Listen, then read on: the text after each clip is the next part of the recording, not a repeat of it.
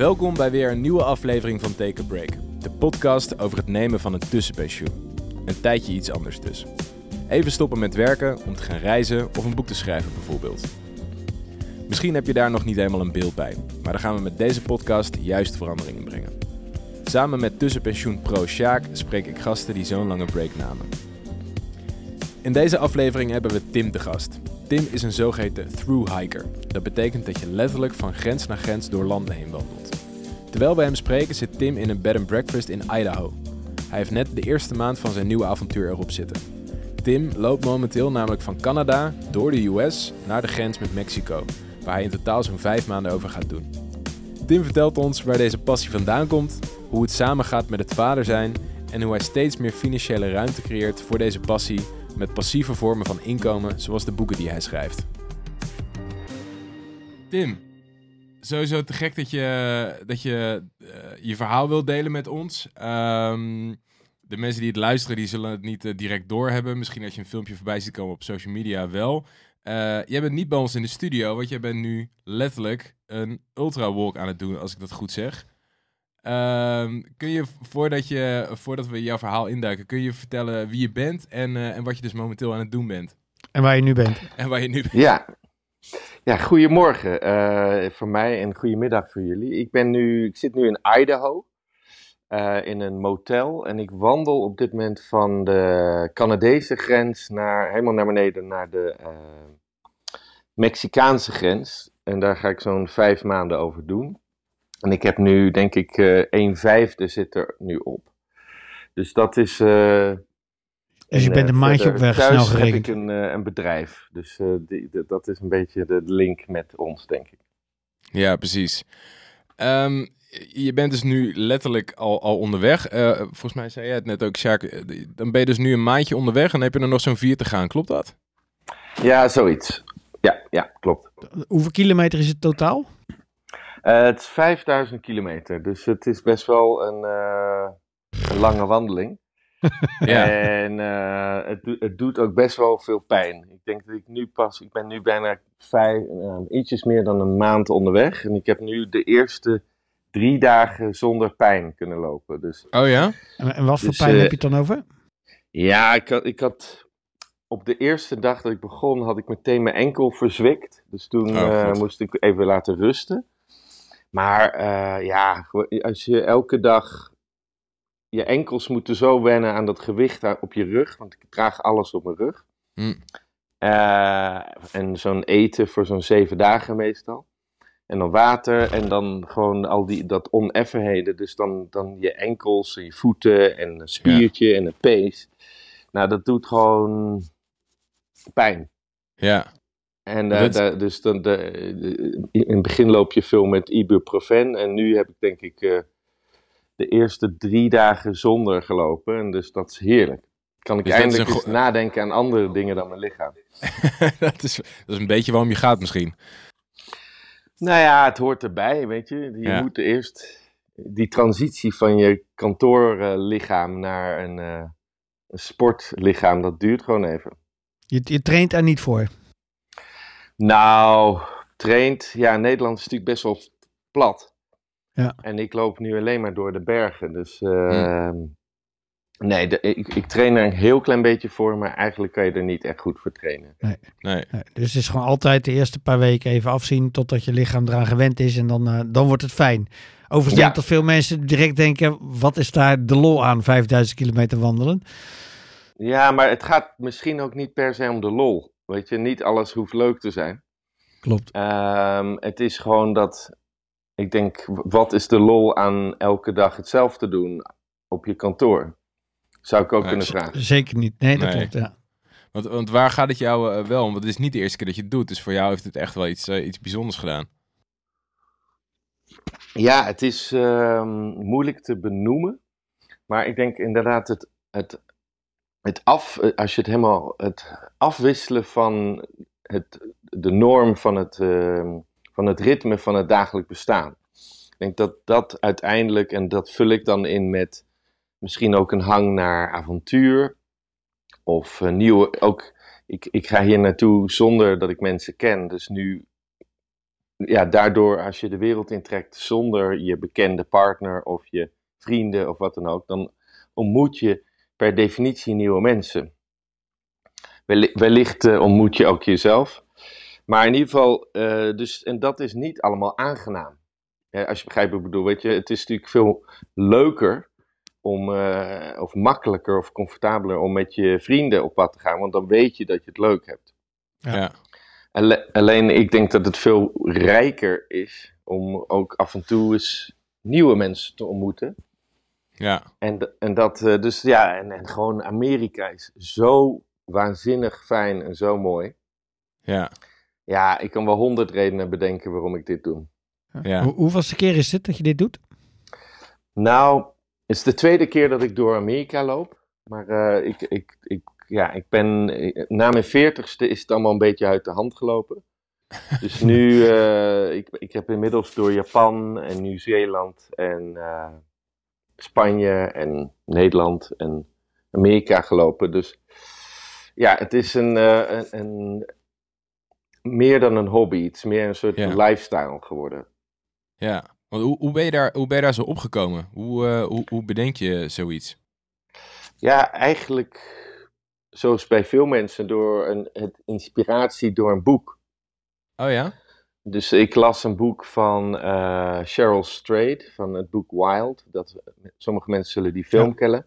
De film, ja. Waar een jonge vrouw van 26 uh, alles heeft verloren in haar leven en besluit om uh, door Amerika te lopen in de jaren 90. En ik weet nog, toen ik dat boek las, had ik zoiets van, nou, als ik ooit zo dapper en sterk en ben als zij, dan, nou, ik weet niet of ik dat ooit bereik. Dus dat was, dat, maar het raakte wel gewoon die, dat, dat eenvoud om door een heel land te lopen, of het nou Nederland is of Amerika, dat, dat raakte bij mij iets, daar, daar zit een soort puurheid in, een soort eenvoud. En nou, inmiddels ben ik dat gaan doen en uh, ben ik helemaal verslaafd. Ja. Is, is het altijd zo, zo lang? Want je hebt het over Spanje gehad. Ik hoorde van Sjaak ook al dat je Nieuw-Zeeland volgens mij van, uh, van beneden naar boven bent gelopen. Wat is een beetje een soort van de, de, de, de tijdsbestek waarin zoiets vaak plaatsvindt? De, de, het, is, het is gewoon de tijdbestek van een land. Dus Nederland ja. kan je in uh, drie, drie weken doen. Ja. Dat, wat, wat, wat wij doen, dat heet through hiking. Mm -hmm. en, en dat is een verbastering van het Amerikaanse woord uh, through. Dus je loopt inderdaad door een land. Dus, ja. dus nu ontstaan er overal ter wereld through hikes. Waar je, Jordanië heeft net acht jaar geleden een through hike. Waar je gewoon, dus je pakt een land van, van grens tot grens binnen oh, ja. een kalenderjaar. Oké, okay, het is altijd van grens en, tot grens. Dus ja, je hebt kleinere landen en je hebt grotere landen. Daar, daar komt ja, het dan precies. eigenlijk op neer. Ja. Ik, ik denk dat ik met een hike van San Marino zo ga beginnen. Even Monaco op en neer. Kan, kan, je eens vertellen hoe, zo, hoe jouw dagen of weken eruit zien? Want je vertelde net al dat je, uh, je hebt eten mee voor zeven dagen. Uh, in de tussentijd kampeer je dus. Hoe, hoe, hoe, begint, hoe begint jouw dag? En wat, wat doe je allemaal en vooral ook niet dan waarschijnlijk? Um, nou kijk, je, hebt in de, je gaat echt, het idee is dat je de wildernis ingaat. Dus mm. uh, dat je zo min mogelijk tijd in, uh, in de maatschappij bent. Dus meestal hier in Amerika neem ik zo'n zeven dagen eten bij. Koop ik dat gewoon in een supermarkt. Uh, dan heb ik mijn tentje op mijn rug, mijn kleding, mijn regenkleding en wat dan ook. En ja, wat ik al zei, eten voor zeven dagen. En dan uh, begint de dag eigenlijk elke dag rond, uh, rond een uur of vijf uur s ochtends. Gaat, en dan, ben, dan een klein tent afbreken. en dan ben ik eigenlijk om zes uur s ochtends al aan het lopen. En dat heeft vaak te maken gewoon eigenlijk omdat je heel erg met elementen leeft. Dus de zon komt dan op. Maar ook omdat het zo bloedheet is hier. Mm. Dat, uh, dat ik dan, uh, weet ik veel, drie uur, en dan loop ik één uur voordat de zon opkomt. En dan zie je zo achter de bergen al die prachtige kleuren. Um, maar ook dan is het natuurlijk wat koeler. Uh, ja. En dan, nou, en dan loop ik nu eigenlijk, ik, loop, ik heb heel veel geluk. Ik loop nu met een trail family. Dus ik loop met vier anderen. Oh. Wow. die heb ik hier ontmoet. Dus die, dat was super random. Gewoon uh, op de tweede dag of zo ben ik in het bos, uh, ja, gewoon ergens in the middle of nowhere, kwam ik elke keer, elke paar uur weer. Wat, want je komt natuurlijk wel andere mensen tegen die dit doen. Niet, niet heel veel. Ik denk dat ik per dag zo'n twee andere mensen tegenkom. Hm. Maar in ieder geval, dit, was, eh, en dit waren twee Britse broers van eh, twin- 22 en 24. Oh, dat is. En een Amerikaanse meisje, of vrouw van 29 en een Amerikaanse man van eh 40, helemaal onder de tato's. Hm. En samen trekken we eigenlijk, dus overdag loop ik eigenlijk alleen. Maar dan s s'avonds zet ik meestal wel mijn tentje bij hun en dan kletsen we een beetje over de dag. En dat, zeker omdat we nu door eh, Bear Country lopen, eh, is, is het wel een beetje safety in numbers. Dat, eh, ja, ja ik, ik- wij kennen natuurlijk geen beren in Nederland. Nee. Dus dat is wel iets waar ik me de afgelopen vier jaar in de voorbereiding hiervoor best wel nou, me zorgen over heb gemaakt en, en ja, mijn angsten moest overwinnen, zeg maar. En Ja. nu, nu leef ik gewoon al, nou moet ik de komende twee, drie maanden gewoon tussen de beren leven. Dus dat is, maar nu gaat het prima. Je hebt Ja. ook zo'n bear spray ding bij je. Ja, ik heb zo'n bear spray bij me. Ehm, ik- eigenlijk heb ik best wel veel dingen te- om me te zogenaamd te beschermen voor eh bear, beren. Dus ik heb zo'n bear spray, dat is zo'n pepper spray. Die heb ik hier altijd hangen. En dan heb ik hier een, een noise grenade. Dat is een soort plastic dingetje. Als ik die tre- opentrek, dan gaat er een autoalarm af. Hm. Heel geestig. Vinden ze ook niet leuk. Ehm, nou, s'avonds hang ik mijn eten in de, hoog in de boom, zodat de beren er niet bij kunnen. Ehm, ik zing heel veel overdag. Moet geluid maken. En als ja. ik eh, door moerasland loop, dan roep ik heel vaak: eh, Hey bear! Nou ja, en zo zijn er allerlei kleine dingetjes die je kan doen om je te beschermen. Maar ik moet zeggen, we hebben er nu, ik heb nu drie beren gezien afgelopen Mm. weken. En eigenlijk tot nu toe ehm, valt het reuze mee en ben ik er nu echt nauwelijks meer mee bezig. ja. Ze zijn in principe banger van jou dan andersom, maar ja, je weet maar nooit. Ja, daarom. En eigenlijk, kijk, beren eten natuurlijk eigenlijk bessen. Het zijn meer eh, foragers. In pr- in principe eten zij gewoon de, de troep die, die, die bijvoorbeeld de wolven of de coyotes achterlaten. Eh, maar kijk, als jij ze opeens tegenkomt en zij, worden, zij schrikken daarvan, dan gaan ze je aanvallen. ja, precies. Dus vandaar dat je je veel geluid moet maken. Maar ik moet zeggen, nu, ja, nu roep ik Hey Bear misschien één of twee keer per dag. Dus het, waar ik het begin Ja. deed ik dat gewoon elke minuut. Ja. Herkenbaar. En eh, nu, ja, tuurlijk als ik er één oog in oog tegenkom, dan is dat best wel spannend. Maar Ja. ehm, ik ben meer met mijn voeten bezig dan met beren op dit moment. Ja, Ja. precies. Hey, die, die mensen die je tegen bent gekomen, dat, dat was dus helemaal niet gepland van tevoren. Dus het is een beetje een toevalligheid dat je nu met elkaar optrekt, toch? Ja, ja klopt. En dat, dat, dat, en hebben zij dat elkaar ook weer ontmoet? Pardon? Hebben zij elkaar ook tijdens het lopen ontmoet? Of waren die al met elkaar nee, vanaf het nee, begin dus af aan? eigenlijk ehm, eh, in deze Through High community begint eigenlijk bijna iedereen solo. Behalve dan deze twee broers, eh, die, eh, die zijn samen opgetrokken. Dus eigenlijk begint bijna iedereen altijd alleen. En Ja. iedereen vindt dat allemaal even spannend, natuurlijk. Ik ook elke keer. Maar om, omdat, ehm, omdat je toch weet dat er andere mensen dit pad zullen gaan lopen. Ik wist natuurlijk niet wie of hoeveel, ik had geen idee. En ik denk dat er nu zo'n bubbel is van zo'n tien mensen per die om mij heen zweven, zeg maar. Die, ik- die, dus nu als ik, eh, ik was gisteren in de bar hier in het dorpje en dan, dan zie je wel, denk ik, zeven andere mensen binnen wandelen. Ja, precies. Dus dat is wel heel gezellig en dan kan je een beetje de, de alle roddels uitwisselen en eh, nou, over het volgende stukje van de trail. Ja, precies. Wat, wat, eh, wat buiten veiligheid, wat brengt het je om, eh, om, om nu samen met andere mensen op te trekken? Want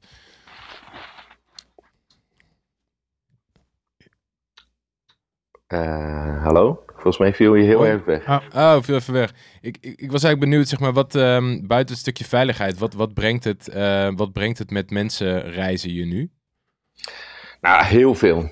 Kijk, uh, uit, uiteraard is het, is het, het leven in die hoge bergen en die uitzichten en de natuur brengt heel veel. Maar het, uiteindelijk het optrekken met nieuwe mensen brengt mij nog veel meer. Hm. Ja, het brengt je gewoon tot nieuwe inzichten of tot inspiratie, uh, tot veel lol. Uh, dat je de pijn uh, kan ver, ja, verminderen. Kijk, zo. Hm. Die, een 22, en en ik, ben, ik word dit jaar 50, dus nu trek ik met heel veel jonge mensen op. En dat, die hebben gewoon een andere kijk op het leven. Die zijn wat ongepolijster of wat idealistischer of wat je zou kunnen zeggen naïver, maar ik vind dat dus sterker. Ja. En, en zo, dus deze jongen van 22 die had besloten om uh, Frans en zijn broer Spaans te leren onderweg. Dus, um, of, dus nu heb ik besloten om uh, Spaans te leren uh, elke ochtend. dus, dus zo zie je dat je door een 22-jarige jongen gewoon die heel goed gedisciplineerd is opgevoed, mij eh, weer inspireert om elke dag les te nemen. Dus ja, het brengt je. Ja, je zou bijna kunnen zeggen, heel veel mensen in Nederland geven heel veel geld uit voor therapeuten. En omdat ze allemaal zoekende zijn of ongelukkig of weet ik veel wat ze allemaal hebben. En die, die zoeken dan gesprekspartners, zeg maar, in, om uit te zoeken wat er allemaal mis is in hun hoofd. Ja. En ik wil niet zeggen dat deze mensen nou mijn therapeut zijn, maar je kan onbevangen met mensen praten. Ja. En die, die kunnen weer vragen in je wakker maken en je kan hun weer helpen. Dus het, het geeft gewoon ruimte om afstand te nemen van je dagelijks leven thuis, uiteraard. Ja. En, um, en daardoor zie je leven en je werk thuis weer in een helder perspectief. Ja. Over, over die afstand van je leven thuis. Uh, een van de meest bijzondere uh, zaken eigenlijk van, van jouw verhaal vind ik dat jij gewoon een vrouw en kinderen thuis hebt. Wat denk ik voor by far de meeste mensen de grote belemmering zou zijn om, om zoiets te doen. Ehm, maar jij doet het gewoon. Je gaat vijf maanden van huis weg. terwijl je vrouw en kinderen hier blijven. ik denk niet dat er heel veel mensen zijn die dat allereerst voor elkaar krijgen. Of willen of durven. En dat als een van de allergrootste beren op de weg zien om, om zoiets ooit te doen. Hoe, hoe, hoe doe jij dat? Of hoe heb je dat gedaan? Of hoe is dat zo ontstaan? Nou kijk, iedereen moet vooral doen waar die zelf heel veel plezier in heeft. Um, dus als mensen dat niet willen doen of kunnen doen, dan begrijp ik dat heel goed. Dus elke situatie en relatie is anders. Uh, in mijn geval mijn vrouw die wandelt ook graag. Dus die, die is ook vaak naar Santiago de Compostela gewandeld. Uh, we hebben dat ook samen gedaan voordat dat we kinderen kregen. En dus in dat opzicht heb ik geluk met mijn vrouw dat zij het A, ze begrijpt het. En ten tweede um, heeft zij ook helemaal zelf niet de behoefte om naar Amerika te gaan. Dus zij houdt heel erg van de Camino. En nou ja, Um, daarbij zijn twee van onze kinderen nu bijna uit huis. Of uit huis. Maar dan nog uh, is uh, Tom thuis. Dus uh, je hebt zeker gelijk, dit, dit is een uitzonderlijke situatie. En ik, ik, mijn vrouw gunt mij heel veel vrijheid en ruimte. Um, dus ik, ik, ben, ik zit in een hele dankbare, bijzondere situatie. Aan de andere kant geef ik haar, eh, stimuleer ik haar ook en geef ik haar ook die ruimte om hetzelfde te doen, maar dan op haar manier. Um, en jij stelde die vraag van ja, niet iedereen zou dat kunnen of mogen of wat dan ook. En ja, ik denk dat die, dat, dat stel dat je die behoefte hebt in in je relatie, dat je bijvoorbeeld, ook al stel dat jij die behoefte hebt om, om op groot avontuur te gaan voor een maand of wat dan ook, dat je bijvoorbeeld eerst begint om je partner te stimuleren om dat zelf te doen. Hm. In plaats van zelf te zeggen, oh ik wil weg en dit, dit, dit. Nee, maar dat je eerst zegt, nou we hebben nu tien jaar kinderen bijvoorbeeld, waarom ga jij niet eens twee maanden naar uh, een andere plek om iets te doen. Wat, eh, stel dat je heel erg van de yoga bent, dat je een retraite gaat doen in Ibiza of in India. Of je, je houdt heel erg van fietsen. Dus dat, niet, dus dat je het omdraait, dat je je partner heel erg stimuleert om die ruimte te nemen die jij misschien in de toekomst ook wil hebben. Want ja. het, het verbaast mij eigenlijk hoeveel mensen eigenlijk met elkaar doen in, binnen relaties. En dat is een thema waar ik veel over heb nagedacht. En kijk, nogmaals, iedereen moet vooral doen waar hij zelf gelukkig van wordt. Ja. Maar er zijn ook een hoop mensen die ongelukkig zijn. Eh, zowel met hun werk of in hun relatie of met zichzelf.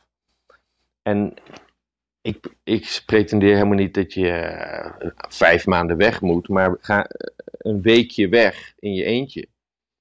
Uh, is wat mij betreft een hele gezondere pil die bijna iedereen goed zou doen.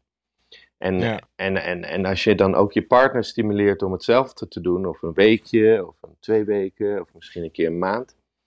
Tuurlijk moet je daarvoor sparen en moet je dat in overleg met je werkgever. Maar wij wonen gewoon in een heel bijzonder land. Waar uh, onbetaald verlof of kinderverlof of zelfs gewoon je baan opzeggen of sparen. Er is zoveel mogelijk, toch? Dus die beren, Sjaak, waar je het over had, die ik nu letterlijk tegenkom, die, zitten, die zijn vaak veel groter die je zelf in je geest opwerpt. Van ja, maar ik, ja, maar, ja, maar ik heb dit, ja, maar dat. Ik zeg ja, als je, dan moet je ook lekker niet gaan. Ja. Maar nee. Uh, het begint gewoon met een, een, de, de, behoefte uit te spreken naar je partner. Ja. En dan kijken van, nou, hoe kunnen we dat in de komende jaren opbouwen of mogelijk maken? Ja. Uh, en, en dat is per relatie of situatie anders, dat begrijp ik ook. Ja. Wat, wat, wat, wat brengt het je persoonlijk, dat soort van alleen zijn of weg zijn uit Nederland of je, je gaan breken met dat stramien? Wat, um, kan, je, kan je dat proberen te beschrijven, wat dat je brengt? Nou, het brengt natuurlijk allereerst perspectief. Gewoon heel simpel door afstand te nemen, krijg je een perspectief op je leven. Je ziet gewoon je leven in Nederland heel helder. Je, je werk, je relaties, je, je vriendschappen. Je ziet je eigen leven met een soort helderheid. En dan kan je opnieuw gaan nadenken wat voor een. Ja, ik ben niet zozeer van het roer om, helemaal niet. Maar je kan bepaalde dingetjes net. Bijvoorbeeld mijn afhankelijkheid van geld, zoals we hè, van een werkgever. Hm. Ehm, dus je, mijn verhouding met geld of inkomen. Daar ben ik opnieuw over, over gaan nadenken. Van hoe zou ik mijn, mijn persoonlijk businessmodel kunnen veranderen? En van heel, heel, veel mensen, zoals ik, werkten heel in de service-industrie. Dus dan werk je per uur of per maand en dan word je betaald door een werkgever of een opdrachtgever. Uh, alleen je geest en je lichaam moet komen opdagen. Want anders denkt je werkgever of, ja, ja, of je klant, denkt ja, dat, ik kan niet, ga jou niet geld geven als je niet aanwezig bent. In ieder geval je geest. Dus toen ben ik heel lang over die vraag gaan nadenken. En, en dat is natuurlijk wel bijzonder. Als je vijf maanden kan lopen, dan heb je echt veel tijd om na te denken. Ja. En dus toen ben ik gaan nadenken van hoe kan ik passief inkomen gaan genereren. Wat een leuke gedachte is, maar een hele moeilijk eh, om te realiseren als je niet vermogen hebt. Ja. Maar uh, nou, de afgelopen vijf jaar eh, ben, heb ik na al die wandelingen ben ik heel erg eigenlijk werd dat mijn kernvraag op opdracht aan mijzelf. want oh, ja? net, net, zoals jullie, jullie hebben ook veel tijd en jullie zijn goed opgeleid en jullie, zijn, jullie hebben creativiteit en idee. Dus er zit een hoop energie wat je in je werk doet, neem ik aan. Um, en dat doe ik ook. Dus ik besloot, ik wil al mijn energie stoppen in die ene vraag. Hoe kan ik mm. inkomen genereren zonder dat mijn lichaam komt opdagen? Heel plat, zodat ik kan lopen terwijl ik uh, inkomsten genereer. En dat was zeg maar de centrale opdracht. Uh, in plaats van een filosofische gesprek aan de bar met vrienden, was gewoon echt focus, focus, focus, focus. Ja. En, en dat is moeilijk, maar uiteindelijk, ik denk dat ik nu in vijf jaar de helft van mijn inkomen heb weten te verschuiven van het ouderwetse model van werken, werken in opdracht naar uh, passieve inkomen.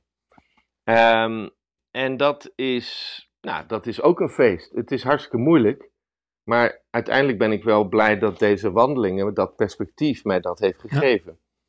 En, die, en die focus, en ook dat bedoel ik een beetje van, dus wat brengt jou die tochten, is meer, los dat het gewoon waanzinnig een mooi avontuur is, het is meer de inzichten die je krijgt als je terugkomt. Dat je dan net kleine focusverschuiving van hoe ga ik met mijn kinderen om? Hoe ga ik met geld om? Hoe ga ik met uh, bezit om? Hoe ga ik met mijn toekomst om? Weet je, je hebt gewoon tijd om over dat soort dingen na te denken. En dat is uiteraard een, een, een onwijze luxe, dat besef ik me. Ja. Maar uh, je, hebt zo, je hebt toch meer in de hand dan je, dan je de, misschien denkt. Sorry? Komt dat ook doordat op dat moment, hè, door dat lopen en het, en het niks, uh, dat er niks is, dat je hoofd daardoor gewoon leeg wordt en je daardoor weer ruimte krijgt om daarover na te denken?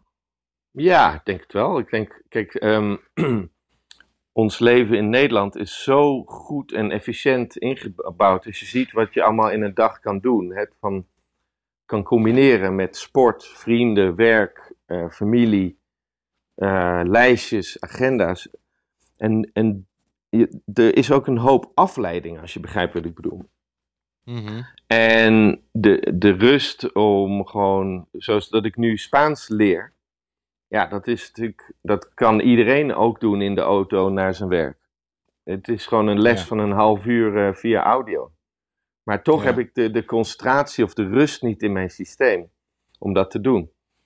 Dus, ja. nou ja, ik denk dat je begrijpt wat ik bedoel. Het is, het, het, is geen wijsheid of waarheid. Het is gewoon dat nee. je afstand neemt en dan, dan vallen er ook gewoon heel veel dingen even uit je bereik. Je hebt gewoon letterlijk zeven dagen geen bereik op je telefoon. Ja, dan, dan, dan is er opeens een hoop tijd. Ja, ja en dan, dan is dat ook het enige wat je, wat je hebt natuurlijk. Ik, ik, ik, dat vind ik af en toe nog zo'n moeilijk te bevatten idee dat je dus volgens mij zei jij het ook uh, aan het begin van, uh, van de eerste podcast. Van joh, je hebt uh, normaliter als je een lift instapt, dan pak je je telefoon al en dan ben je al afgeleid. Dus wat, wat zou er in godsnaam gebeuren als je inderdaad zeven dagen lang dat helemaal niet hebt? Um, ik denk dat heel veel, in ieder geval mensen van mijn leeftijd die dit nog niet gedaan hebben, geen idee hebben waar, waar je het dan over hebt. Nee, maar het, het mooie is, ik weet niet precies hoe oud jij bent, maar heel veel jonge mensen lopen deze tochten. Ja. En dat is Weet je, die gewoon een beetje tussen de 20 en 29. En ja, weet je, die, je, je gaat ook opnieuw nadenken over al die communicatie, die, je, je verhouding met al die communicatie die je hebt. Gewoon heel, heel simpel, omdat, en joh, je bent zo met je, met je water bezig, omdat je, je bent zo bezig met eten, je pijn, blaren, uh, ja. Met het mooie zonsondergang. We hebben net een, een bosbrand gehad van, uh, waar 600 mensen uh, aan, aan uh, brandweerlieden aan werken. Omdat er zijn twee brandweerlieden omgekomen. Weet je, het zijn, het zijn gewoon. Je bent met hele primaire fysieke ja. dingen bezig. Um, dus je hebt helemaal geen tijd om na te denken over je telefoon, joh. Nee, dat lijkt me heerlijk. Ja, nou, kom, kom lekker naar Idaho. Ja, is goed. ik ga nu naar Schiphol. Precies hetzelfde wat Jo Janneke zei over die ja, drie weken ja, ja. Atlantische Oceaan overzeilen. Dat je gewoon drie weken lang helemaal niks hebt, alleen maar bezig bent daarmee. Dat is dat, ja, dat, dat grote niks Dat doen. is gewoon dat meditatieve waar je dan op een gegeven moment... Uh... Hey, Tim, dat, um, die, die, die behoefte of dat gevoel van uh, dat stukje passieve inkomen... Ja. Waar komt dat vandaan? Heb je dat ook tijdens zo'n reis? Heb je dat... Uh, um, is dat tijdens een reis gekomen of had je dat daarvoor? Of? Nou ja, kijk, je, het is, je kan zeggen het is een dure hobby. Als, ah, je, als, okay. je, als je niks, als je niet werkt, in mijn oude model, uh, dan verdien je niet. En ik kan me ook voorstellen voor jullie, als je zes maanden niet, uh, niet werkt, dan komt er niet zoveel binnen. Dus, dus dan kan je wel sparen, maar dat, in dat opzicht is het, het feit dat je zo lang geen inkomen genereert, zeg maar in het oude model van dienstverlening, ja, ja dan moet je dat gat zien op te vullen uh, als je dit vaker wil doen. Dus daar, daar ontstond meer het, de behoefte. En, en ik neem aan dat uh, er, denken veel mensen over dit thema na. En, en vaak is dat filosofisch, vaak zijn dat gesprekken met vrienden aan de bar. En ik weet nog, en zo, zo had ik dat, en boeken lezen, uh, Four Hour Work Week, uh, Rich Dad Poor Dad, nou allemaal. Maar ik weet nog, toen ik op een gegeven moment terugkwam uit Nieuw-Zeeland, toen kwam ik terug en toen had ik, zag ik twee hele grote letters voor mij in de lucht. Denkbeeldig. En dat was D-O. Dus do. En ik had nu zoiets van, Tim, het is afgelopen met dat nadenken en, en wat het zou, het zou, het zou. Alles, mijn hele focus was nu op doen. Ja. Do, do, do, do. Dus ik gaf mezelf gewoon de, heel streng de opdracht. Het is nu gewoon afgelopen met het geklets. Ehm, het is nu gewoon de zaak om bedrijfjes op te richten, uh, grond te kopen, uh, aandelen te kopen, uh, huizen kopen, sparen, um, samenwerkingen met, bank, met banken, met vrienden. Gewoon hoe klein ook. Gewoon doen, doen. En inmiddels heb ik nu drie Airbnb's de afgelopen. Dus ik had een ambitie. Ik, ik hou ook wel van duidelijkheid en, en doelen stellen. Dus ik heb op een gegeven moment gezegd: kijk nou of je elke twee jaar een nieuwe uh, Airbnb of een bed and breakfast kan realiseren. En dat is zeg maar, eh, was, was een van mijn doelstellingen. En dat is nu nou, niet helemaal gelukt, maar is wel aardig gelukt. En nogmaals, dat is niet makkelijk, want ik heb, ik heb niet geld of zo. Dus je moet echt sparen en je moet slim zijn en je moet klein denken. En, maar inmiddels heb ik nu een aantal BNP's. Ik, ik, verkoop nu heel veel boeken. Ik geef lezingen, uh, webinars. Dus dat zijn allemaal manieren om geld te. En ik heb nu een mijn bedrijf thuis anders vormgegeven dat mijn team nu doorwerkt voor mijn klanten terwijl ik hier loop. Dus dat ja, precies. in elk onderdeel van. Dus ik ben niet het roer om, ik ga het helemaal anders doen. Ik heb gewoon heel veel verschillende kleine ondernemingjes. En, en als je die bij elkaar optelt, is dat nu, denk ik, meer dan de helft is nu passief. En het, is, het gaat niet om gigantische bedragen, maar het is wel. Ja, het is gewoon door dat wandelen, door die afstand te nemen, is, en door die, die letters, die D-O, gewoon doen, doen, doen en niet meer lullen. Uh, dat is het grote verschil voor mij geweest. Want we, we hebben allemaal wel een boek gelezen en een, en een goed plan, maar het, het gaat pas bewegen als je het echt gaat doen. En dat, dat, dat geeft dan deze gekke tochten. Kom ik dan terug met dat ene inzicht van denken naar doen. En dat is heel simpel, maar het is een heel groot ding hoeveel tijd zat er tussen je vorige true hike en deze? Nou, uh, ik zeg maar strikt gezegd, zeg maar vier jaar. Vier jaar geleden was ik in Nieuw-Zeeland, maar ik heb vorig jaar ben ik drie weken door uh, Zweden gelopen om het uh, Noorderlicht te zien. En daar heb ik ook net een boek over geschreven. Dus die komt nu bijna uit.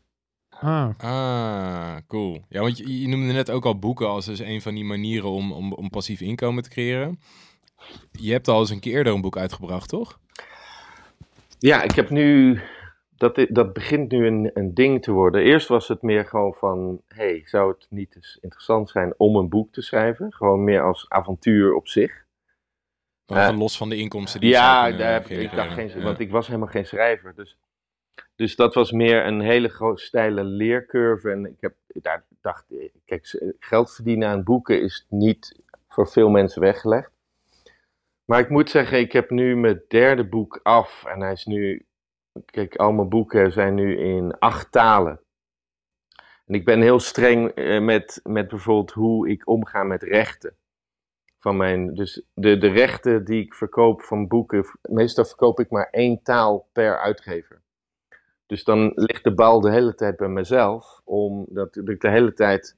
Vanochtend was ik bijvoorbeeld om vijf uur s ochtends de rechten van mijn Zweedse boek aan een Zweedse uitgever te verkopen. En en gisteren weer hetzelfde boek aan, uh, of een, dit boek wat ik nu aan het lopen ben, aan een Duitse uitgever. Dus als je, de truc zit erin in dat als je een boek schrijft, dat je alleen maar de rechten verkoopt per, per land. Ja, precies. En dan de audiorechten en de filmrechten allemaal bij je houdt. Ja, precies. Hoe, hoe, ben, hoe ben je daar zo opgekomen op zo'n... Dit klinkt bijna echt als een soort van strategie of zo. Of een, uh... Nou, ik ben... Uh, het is gewoon Hollands boerenverstand. Uh, ik, heb, ik, ik, heb er, ik heb er niet zoveel verstand van, maar ik, ik, als ondernemer onderhandel ik natuurlijk vaak. Ja, precies. En kijk, als je, mijn, mijn behoefte is dat mijn boeken in Amerika op de, in alle boekhandels liggen. Dat is gewoon mijn primaire focus. Amerika, dan Duitsland en Nederland. Weet je, uh, is ook, Kleine markt. Ook, ook, heel erg leuk. Dus als ik een, aan een uitgever vraag van um, bijvoorbeeld een Nederlandse uitgever, uh, dan willen ze mijn boek maken, maar dan, um, dan wil ik in het contract dat ze garanderen dat ze binnen een jaar ook het boek in het Engels uitgeven en in alle, uh, Engel, uh, alle Amerikaanse boekhandels ligt. Ja. Nou, en dat, geen enkel uitgever gaat je die garantie geven. Dus dan zeg ik, nou, dan, dat vind ik, dan begrijp ik, maar dan hou ik die rechten zelf. En dan ga ik dat zelf uh, proberen te regelen. Ja, ja precies. En, dat, en, en, en je hebt natuurlijk veel meer incentive als schrijver om te gaan lobbyen en te husselen. Uh, ja. Dan een uitgever die gaat alleen maar die rechten verkopen aan een, aan een agent. En dan krijg je ja. weer de helft van het procent wat je al kreeg. Ja, dat... Dus het, het interessante is, om het even af te maken over boeken. Toen ik mijn tweede boek had geschreven, toen begon ik te zien dat het een serie was. En als je denkt in series en, en je schrijft tijdloze boeken, um, dan merkte ik dat ik eigenlijk elk jaar steeds meer verkocht van, van alles. Dus nu. Ah, omdat je een publiek opbouwde, ja, zeg maar. Dus, dus ten eerste verkoop je dan niet alleen de eerste, maar de tweede en de derde, maar verkoop je dat ook in andere talen. Dus ja. nu, voor het eerst durf ik te dromen, noem ik mezelf echt auteur en schrijver, omdat ik gewoon uh, tegen de 100.000 boeken heb verkocht. En het begint, vet, het begint nu onderdeel van mijn inkomsten te worden. Dus, ja. nou ja, ik leer ook heel langzaam, maar het is, uh, het is gewoon hartstikke leuk. Ik heb ook net weer een, ja. de rechten verkocht voor deze tocht, terwijl ik hem nog aan het lopen ben. Aan, dat is ook al wel cool, dat dat dus gewoon al lukt. Ja, dat, dat, dat, dat die uitgevers dat hartstikke leuk. En dan, het leuke is dat je dan ook met je... Dit, dit gaat om een Duitse en Amerikaanse uitgever. En dan kan je in... Dan wordt het echt een collaboration. Want dan kan ik hun foto-editors en vragen van... Wat voor soort beelden zoek je? Ja. Of wat voor thema's zijn nu heel actueel? Want dan kan ik daarover nadenken om over te schrijven. Dus ja, hartstikke leuk. Ja, tof hè? Het grappige was, jij zei ja, ik ben niet zo van het roer om. Maar wat je bij jou ook ziet en wat je eigenlijk bij iedereen ziet, de, de, nadat ze een tussenpensioen genomen hebben, ze, bijna bij iedereen gaat het leven toch een andere wending uh, nemen, op wat voor manier dan ook. En, en ja, nu zag ik op je LinkedIn al, de, je begint met auteur ja. en daarna staat creative director. Dat, toch weer wel. dat was eerst andersom hè? Klopt, klopt. En maar kijk, het is, uh, misschien heb ik dan een andere definitie van het woord roer om, want dat, dat klinkt heel dramatisch vaak. Van alle schepen, nee, gradueel. alle ja. schepen achter je verbranden. En ik, ik ben nog altijd heel dankbaar voor het commerciële werk dat ik doe. Um, en, en, en, en, dus dat, en dat betaalt ook nog steeds een groot deel van mijn kosten. Dus, dus het is, ja. dat bedoel ik met uh, in Weet je, ik denk dat ik op een gegeven moment ook wel naar een ander land zal gaan in, in een ander land gaan wonen. Maar ik ga niet in één keer alles om. En, hm. Dus ik, ik begrijp wat je bedoelt, Jacques. Ik denk, deze grote avonturen hebben zeker veel impact. Maar het betekent niet dat je dan meteen in één keer alles omgooit. Want we zijn allemaal ondernemers. En, en, en we weten dat je dat soort grote risico's nemen ja, dat is niet zo slim. Dus ik, ik, ik ga gewoon geleidelijk, ben ik gewoon andere businessmodellen aan het ontwikkelen. Ja, en, en ook meer op mijn boerenverstand, zeg maar. Maar het is ook weer interessant. Misschien dat vind ik wel een heel leuk thema eigenlijk. Want eigenlijk zijn jullie mensen aan het uh, ja, opleiden of inspireren met dit soort podcasts. Maar het zijn het eigenlijk. De gedachte is eigenlijk, want iedereen is ouder dan 20 die dit verhaal hoort, toch? Ja, ongetwijfeld. Ja, tussen, bij wijze van spreken 40, 30, 40, 50, weet ik veel wat. En eigenlijk ben ik nu steeds meer bezig met dit thema dat wij dit soort verhaal moeten vertellen aan kinderen van 13, 14, 15, 16. Want um, ik ben nu met die gedachte bezig, want mijn kinderen, die zijn, mijn zoon bijvoorbeeld, die is 16, en die leren maar één model van school. Ja, klopt. Die leren namelijk. wat wil je uh, worden? Ga, ga, hard leren, uh, ga studeren, neem heel veel schuld, uh, ga een baan nemen en, en, en eind van de maand is geld op. Ja. Dus het hele idee van een assets opbouwen um, vanaf een jonge leeftijd, of anders omgaan met je inkomen of met je tijd, dat wordt ons gewoon, ons kinderen gewoon niet opgeleid. Dus ik ben mijn kinderen nu allemaal boeken aan het voorschrijven. om, om ze gewoon. Eh, dus ik kan me voorstellen dat jullie ook zo'n soort podcastserie zouden doen op deze inspirerende lijn, maar dan juist voor kinderen van 15, om ze te behoeden dat ze allemaal uh, ja, gewoon heel veel schulden gaan opbouwen. Maar dat is even een side note. Ja, ik vind het wel grappig dat je dat zegt. Ik, ik, ik, ik ben zelf wat dat betreft ook best wel binnen de lijntjes, um, denk ik, uh, grootgebracht. Uh, als het aankomt op hoe je um, moet werken, et cetera. Nou ben ik wel vrij snel zelf uh, als ondernemer gestart. En mijn ouders hebben me daar ook alle vrijheid in gegeven. Ja. Dus dat is gek, maar... Uh, het referentiekader dat ik heb is twee ouders die vrij recentelijk met pensioen zijn gegaan. Ja. Um, en dus altijd best wel binnen de lijntjes hebben gekleurd. En uit het eerste gesprek dat we hadden voor deze podcast was met Freek. Freek is 60, geloof ik. En die is nooit bezig geweest met per se pensioen opbouwen. Die heeft altijd best wel een beetje met de dag geleefd. Is wel ondernemer geweest. Heeft af en toe zijn bedrijf verkocht. Maar zat er op zo'n andere manier in. Um, namelijk helemaal niet bezig met wat ga ik de laatste 15 jaar van mijn leven doen als ik verder niks te doen heb. Maar heeft zichzelf altijd gewoon heel erg bezig gehouden. En dat was. Dat stond zo ver af van het referentiekader dat ik had. Ja. Dus uh, dat, het, uh, dat ik echt dacht van, wauw, op dat moment al helemaal omdat je hm. natuurlijk in zo'n gesprek zit. Maar denk je van, wat is het eigenlijk bizar dat, dat de norm inderdaad ja. is om, ook een beetje hoe jij zegt, je werkt en anders is er geen geld. En dat doe je dan ook nog eens een keer een jaar of vijftig.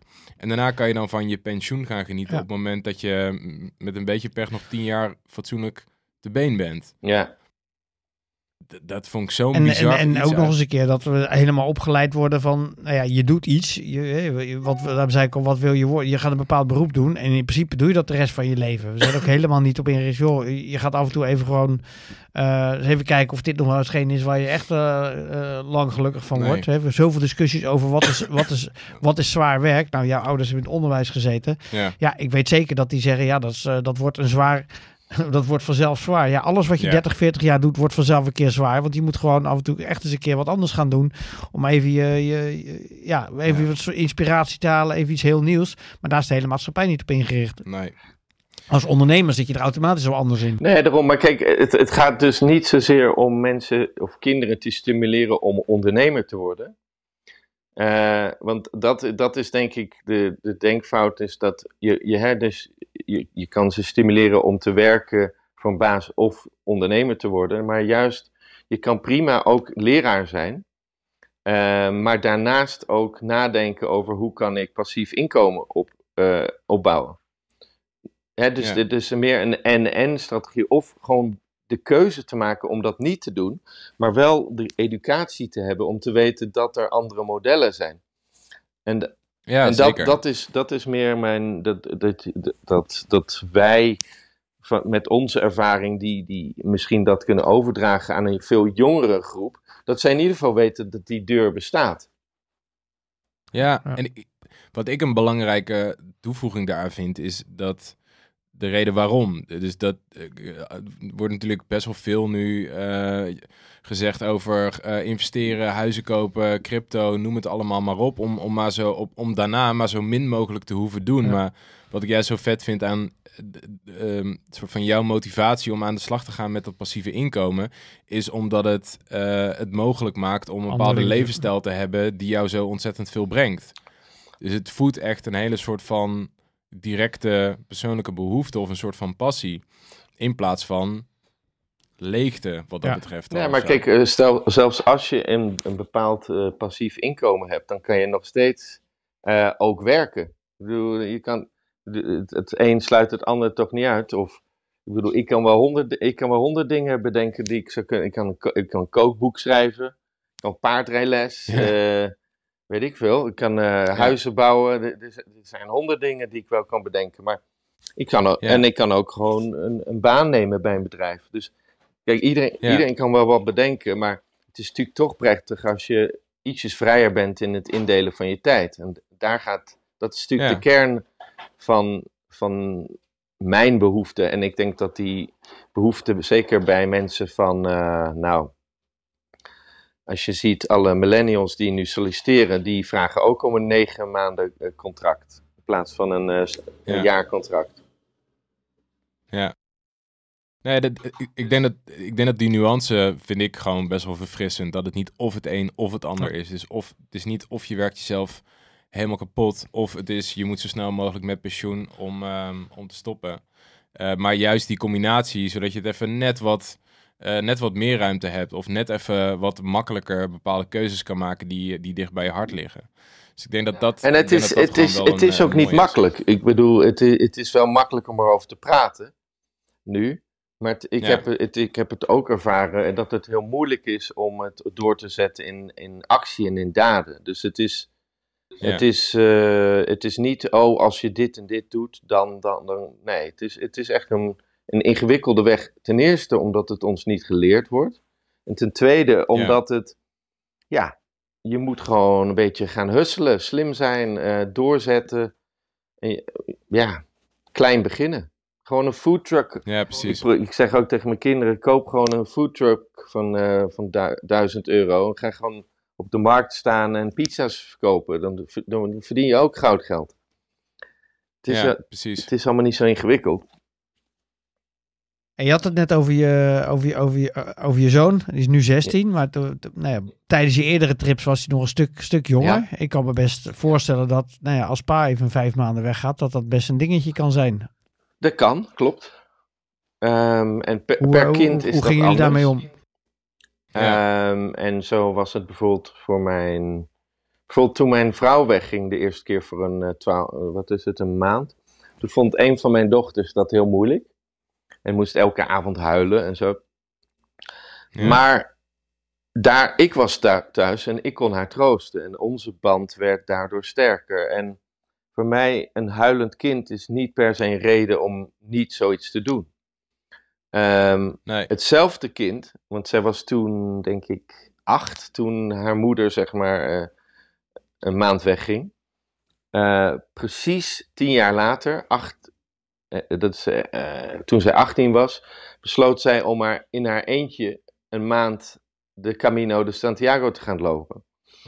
Ja. En, en het mooie is niet zozeer dat, zij, dat zij is gaan lopen, want, maar voor mij was het heel inspirerend dat zij koos om niet haar vriendinnen mee te nemen, maar in haar eentje op haar achttiende uh, de grote wereld in te gaan. En dat is hetgene wat wij, wij misschien als ouders hun meegeven.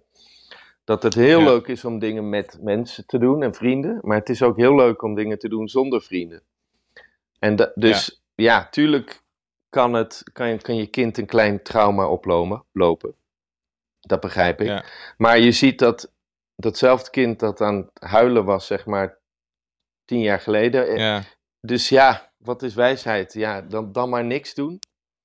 Weet ik niet. Nee, er zit ook gewoon kans voor groei in. En uh, ja, ik vind het wel mooi wat je zegt inderdaad, dat, dat, je, dat je dat later dus ook wel weer terugziet. En dat het ook ervoor gezorgd dat het de deur openzet voor jou om ook weer een veel betere band te krijgen met haar op ja. moment. Dus het, het is, je koopt er geen zekerheid voor. En mensen willen heel graag zekerheid tegenwoordig. Dus uh, ja, je neemt een kans, dat klopt.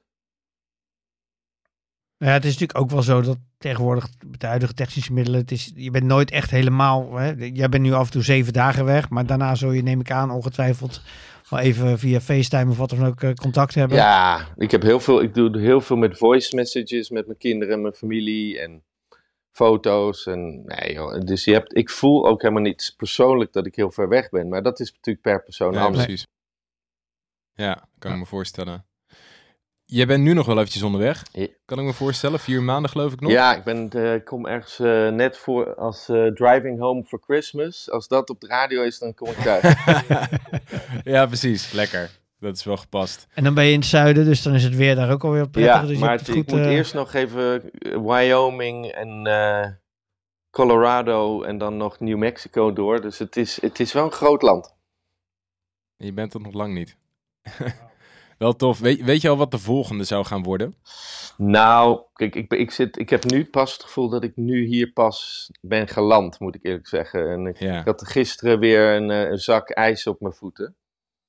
Uh, om ze dus het is echt wel intens hoor. Wat, dus ik zit nu heel erg in, zoals ze dat zeggen in Nederland, ik leef nu echt in het moment. Ik zit in een soort roes. Ja. Um, maar even nadenken. Um, ik hoop er is een trail dat heet de Peace Trail. En dan loop je mhm. Jordanië omlaag en dan Israël omhoog. Ah. En dat lijkt mij uh, waanzinnig om te doen, om, ja, om uh, de, dat lijkt me wel waanzinnig, ja. Oké. Okay. Ja. We're going to breakfast. Je hebt nog bijna aan het ontbijt volgens mij. Lekker. nou, top. Hey, uh, volgens, mij, uh, volgens mij zijn we ook uh, een heel eind. Dus ik denk dat we hem lekker moeten gaan afsluiten. Ehm, super bedankt voor, voor het delen. Heel vet verhaal. Ontzettend veel succes met, met je voeten. Ja, dankjewel. En, ehm, en wie weet spreken we je tussendoor nog. Ja, helemaal goed. Nou, dank jullie wel voor jullie tijd. En als je vragen hebt, geef mij een gil. Komt goed. Ja, Thanks Tim. Succes met alles. Oké. Fijne dag. Hoi. Doei doei. Dat was nummer 5 alweer, Sjaak. Ja. We zijn, we zijn op de helft. En de eerste die we eindelijk een keer live vanaf een tussenpensioen Van, ja, spreken. precies. Jeetje. Het, uh, ik heb er bijna geen woorden voor. Nee, geweldig. Hè? Ik vond het echt bizar om te horen. Ja. Ik kende zijn verhaal al een beetje, want ik had hem ooit uitgenodigd bij een uh, lady event van, uh, van Bright. Ja. Maar ja, bij toeval kwam ik erachter dat hij nu opnieuw weer met een true hike bezig was. Ja. Uh, waarvan ik eerst de term helemaal niet eens kende. Nee. Um, en waar ik ook eerlijk gezegd ook echt wat van... Pff, wat, wat, wat, bezielt je? Vandaar natuurlijk ja. ook mijn vraag van, ja, wat is daar leuk aan? en, en ja, toch wel zijn confronterende antwoord, ja, moet alles altijd maar leuk zijn? Ook dat, ja. En, en het feit dat hij bewust een stuk discomfort opzoekt, mm zowel fysiek als, als mentaal. hij zat nu na een maand, had hij nog steeds pijn. Ja, had nu drie dagen zonder pijn gelopen. Dus dat betekent dat je gewoon een kalendermaand gewoon aan het afzien bent wat dat betreft. Ja, maar dat bewust uit je, uit je comfortzone stappen, dus ook alleen, alleen gaan, waardoor je mensen ontmoet. Ja, dat zet me wel weer even aan het, uh, aan het denken. Ik had tot nu toe maximaal, ik weet hoe, hoe gaaf hike is en wat dat je hoofd leeg maakt, maar langer dan vijf dagen in Torres del Paine ben ik nooit gekomen. Nee, nee, nee. Nee, maar wat ik bijzonder vond uit dit verhaal, en dat hebben we nog niet gehoord, is dat bij, bij Tim is het niet zozeer het nemen van een tussenpensioen wat een soort van lifestyle geworden is, maar dat is vrij specifieker nog, het maken van die through hikes. Ja. En voor hem is dit wel echt een soort van, hij moet dit gewoon geregeld doen, want dat helpt hem om zijn leven in perspectief te zien en daar keuzes in te maken en nuances te vinden. En uh, ja, hij kan niet meer zonder ook, denk ik. Nee, nou ja, het ervaren van ja, wat, wat het effect op je is, wat het met je doet en, en hoe je je los kunt maken en daardoor dingen weer helder in perspectief kunt zien en, en nieuwe initiatieven kunt ontplooien. Uh, dat is wat het heel duidelijk, hè, de, wat, wat, het, ja. wat het hem, hem brengt. Um, maar een stuk subtieler ook dan bijvoorbeeld eh, van wat we bijvoorbeeld bij Oliver gehoord hebben. Want dat was ook best wel een soort van, hij ging daarheen met een behoefte en hij moest het allemaal anders gaan zien. Bij Tim is het allemaal veel subtieler of zo. En dat, dat past denk ik ook wel een beetje bij het karakter van dat hij dit gewoon eens in de zoveel tijd een keertje doet. Ja. Maar ik vond het ergens ook wel verfrissend van, joh, je gaat dus niet één keer een soort van reis maken en dan ga je in één keer alles anders doen. Nee, het is gewoon, je, je, je neemt zo'n best wel drastische stap dan even uit je eigen leven om het echt even goed te zien. En dat betekent niet dat je alles anders gaat doen, maar dat betekent wel dat je met helderheid kan kijken naar wat je misschien gedeeltelijk anders wil. En het begon ook niet zo drastisch. Hè? Het begon met, een, met een maand uh, hiken, maar eigenlijk door zijn vrouw die dat als eerste deed. Ook nog, die, ja. Die de Camino uh, deed, wat heel veel mensen doen en voor heel veel mensen een life-changing ervaring is. Ja. Daardoor is hij het gaan doen. Zij is elkaar afwisselend gaan doen. Is hij het natuurlijk in, in extremes gaan doen met, de, met, de, met de through hikes. Um, maar dat is natuurlijk ook wel een heel mooi aspect. Hè? Dat je dat elkaar gunt. Ja. Maar tegelijkertijd ook weer die, die, diezelfde passie dus deelt. Wat, wat, wat. Zijn, ja, wat, want ergens zitten er best wel wat um, qua effect, denk ik, wat parallellen tussen, uh, dus gewoon zo'n maand gaan hiken en een tussenpensioen. Want een maand ertussenuit zouden we denk ik binnen deze podcast geen tussenpensioen noemen, toch? Lange vakantie. Hele, ja, precies. Um, maar goed, misschien maar omdat... als je een maand alleen maar gaat hiken, dat brengt je ook wel iets, denk ik, ja. Nou ja, daar ben ik dus inderdaad benieuwd naar, van hoe zie jij dat inderdaad? Want dat heeft dus dan wel een deels hetzelfde effect. Absoluut, ja. Waar komt dat dan door, denk je? Nou ja, door, door het echt loskomen. Uh, dus doordat je weer dus niet je afleidingen de hele tijd hebt, zoals hij ook inderdaad vertelde. Uh, ja. Dat je dus ja, daardoor je hoofd weer leeg en, en uh, gedachten gaat krijgen en dingen gaat, gaat doen. Mensen gaat ontmoeten, je comfortzone uitgaat. Uh, ja, het echt loskomen, ja. ja dat lukt op zo'n manier wel. Beter dan dat je natuurlijk een maand lang uh, nou ja, naar Ibiza gaat of op een bedje gaat, ja, gaat liggen. Dat is e echt wel even iets anders, ja. Ja, dus het heeft gewoon puur te maken... Het is bijna dat meditatieve, toch? Dat je zo'n focus hebt op iets anders, dat je... Vergelijkbaar met de Vipassana, denk ik. Ja, ja, precies. Dat, dat heb je natuurlijk in alles. Je hebt het met je Janneke met dat zeilen gehad. Je hebt het nu met Tim met het wandelen. En de Vipassana die je zelf hebt gedaan en die Oliver ook heeft gedaan. Gewoon die complete focus op iets, op, op iets hebben, los van wat het is. Waardoor hetgeen waar je je daarvoor altijd op focuste, gewoon een soort van steeds meer in de verte lijkt Gaat te liggen. de achtergrond. Ja. ja. Ja, en, en, en beide zijn inderdaad niet heel comfortabel, zo'n uh, Vipassana niet en dit ook. En ook, bedoel, het, het gevaar, dat, het feit dat je gewoon alleen op zo'n trail in, in, een tentje zit in, in Bear Country, hmm. ja, dat doet wel iets met je. En, en daar wen je wel snel aan. Ik ben ooit ja. drie weken door Alaska en, en, en Canada ook Country, dus sliepen we ook in tentjes. Dus en met, met zo'n en ik herken het helemaal, dat je gaat lopen zingen. Hè? Hi bear, hi bear. Iedereen doet dat. Dus als je mensen tegenkomt, die hoor je ook voor vet. Hi bear, hi bear.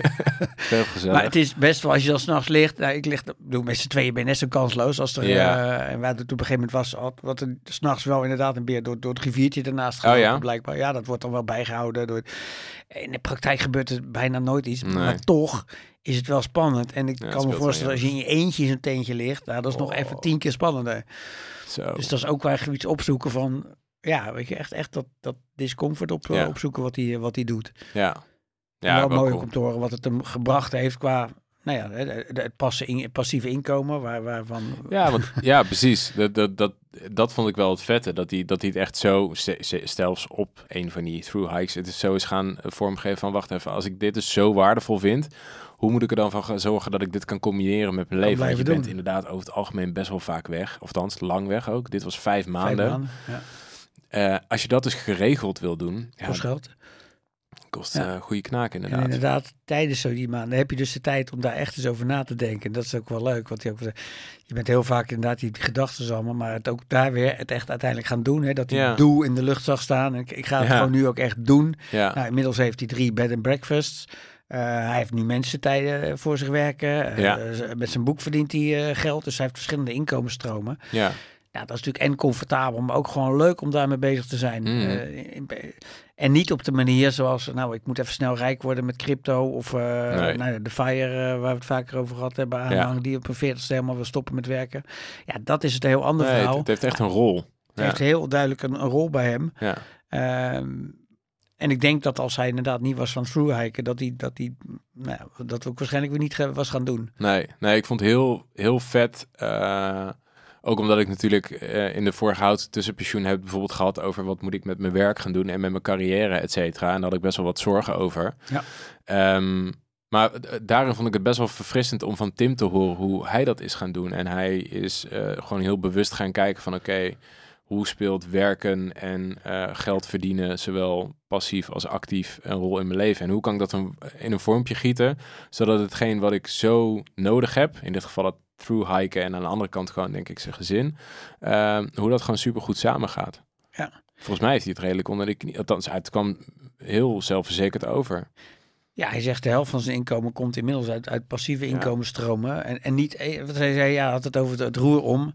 Vergeleken met tien jaar geleden is het roer best wel aardig om. Ja. Maar hè, hij van niet van de ene. Hè, mensen zeggen, ja, ik wil schrijver worden en dan een bestseller schrijven en daarna hoef ik nooit meer wat te doen. Ja, dat is zo'n roer om, wat je waarschijnlijk toch niet gaat lukken. Nee. Hij is allerlei dingen gaan doen. En ja, sommige dingen slagen, sommige dingen slagen wat minder. Klopt. Maar daardoor heeft hij het nu wel voor elkaar. Ja, ja echt vet. Heel vet. En wat ik ook mooi vond, eh, want ik was toch wel een beetje bezorgd over, ja, hoe, gaat het dan met die kinderen? Weet je, als je ja, in een jonge leeftijd natuurlijk even een half jaar bijna je pa missen. Ja, dat hij op een gegeven moment ook zei, ja, uh, er zijn uh, kinderen die huilen reden om iets niet te doen. Ja. Dus ja, een van beide ouders is er nog. En het mooie is dat zijn dochter nu dus hetzelfde gaat doen. Ja, en wat ik vet vond is dat, uh, dat hij aangaf dat op het moment dat zijn vrouw die eerste keer wegging, dat zijn dochtertje daar zo verdrietig door was. maar dat hij daardoor juist een hele sterke band heeft gekregen met zijn dochter. En inderdaad, weet je, ik herken dat natuurlijk een klein beetje bij mezelf. Je eerste reactie als ouder is natuurlijk altijd om de, een hele directe reden waarom je kind ongelukkig of verdrietig zou zijn om die weg te halen. Maar hij zegt van ja, het is ook gewoon een kans om, om iemand iets te leren. En iemand iets te laten ervaren. En daar zit ook echt wel... Ja, het hoeft niet altijd prettig en leuk en fijn te zijn. En eventjes wat, uh, nou ja, eventjes wat verdriet. Ja, ongemak gewoon. Ja, ja, ja, Het is gewoon echt ongemak opzoeken daarin. Ook voor je omgeving, maar wel op een manier dat je er dan iets mee kan. Niet soort van ja, dit is nou even zo uh, man up en gaat maar doen. Maar het is gewoon... Hij heeft het echt als een kans aangegrepen. En dat zijn dochter het nu zelf gaat doen, is denk ik een perfecte ja. soort van bewijs, of zo. Dat, ja. dat het gewoon fijn is en dat je het moet combineren en dat het prima is dat je je omgeving daar ook een. Zet wat tot denken. Want hij zei terecht van ja, weet je, voor iedereen is het anders. Uh, ja, ik zou echt niet uh, drie, vier, vijf maanden zonder mijn vriendin willen. Nee. Maar daarom zegt hij ja, weet je, iedereen voelt dat anders. Maar ja, nou, wat hij al zei, ze probeer eens een keer een week zonder uh, elkaar. Dat, dat brengt je ook ding. Dat is ook een, nou, dat zette mij wel weer even aan het denken. Ja, ja nou, dat, dat, dat, ik denk, ik vind vijf maanden echt heel lang, inderdaad, weet je wel. Maar inderdaad, ga eens een keer een maand iets Kijk, wat ik wel heel vet hier aan vond, ik ben zelf niet echt een wandelaar per se, althans zeg maar met twee uur vind ik het al gauw goed, maar het hele helemaal in de natuur zijn en dat ik doe dit ook soort van als ik gewoon even wil ontspannen of ik wil bijvoorbeeld voor mijn werk dingen op een rijtje zetten.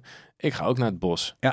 Ik flikker die auto op de parkeerplaats en ik ga gewoon lopen, een beetje rustige muziek in en dat meditatieve waar je dan in komt, omdat je gewoon alleen maar bezig bent met je volgende stap, letterlijk en figuurlijk. Dat is wel echt, echt te gek, maar ik vind vijf maanden wel echt lang. Ga eens vijf dagen beginnen. Ja, precies. Ja, gewoon stap voor stap. Dat heb ik. Ja, ja. Heb ik ook.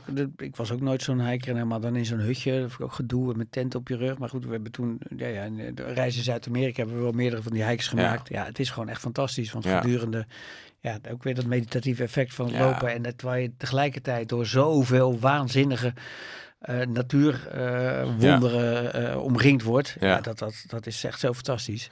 Ja, ik, ik word dus nu, volgens mij heeft Instagram door dat ik een podcast aan het maken ben over reizen. dus ik word helemaal kapot gespamd met allemaal hele sikke natuur uit Zwitserland en zo. Hm. Dan denk ik van, daar kan je gewoon letterlijk in een dag ook heen rijden. Weet je wel? Het is echt best wel toegankelijk om gewoon eens te ervaren hoe je het vindt om inderdaad je telefoon weer eens even een keer in de auto te laten liggen en gewoon vijf dagen erop uit te gaan. Ja. Dat is wel lekker. Nou, maar eens gaan doen. Weer genoeg aanknooppunten. Ja, toch? we kunnen weer aan de bak. Dingen weer aan de bak. Door naar de volgende, Sjaak. Yes. Alright. Deze podcast is een samenwerking tussen Geuren en Kleuren Media en Bright Pensioen. Wil jij nou nog meer informatie over tussenpensioenen? Check dan www.brightpensioen.nl slash tussenpensioen.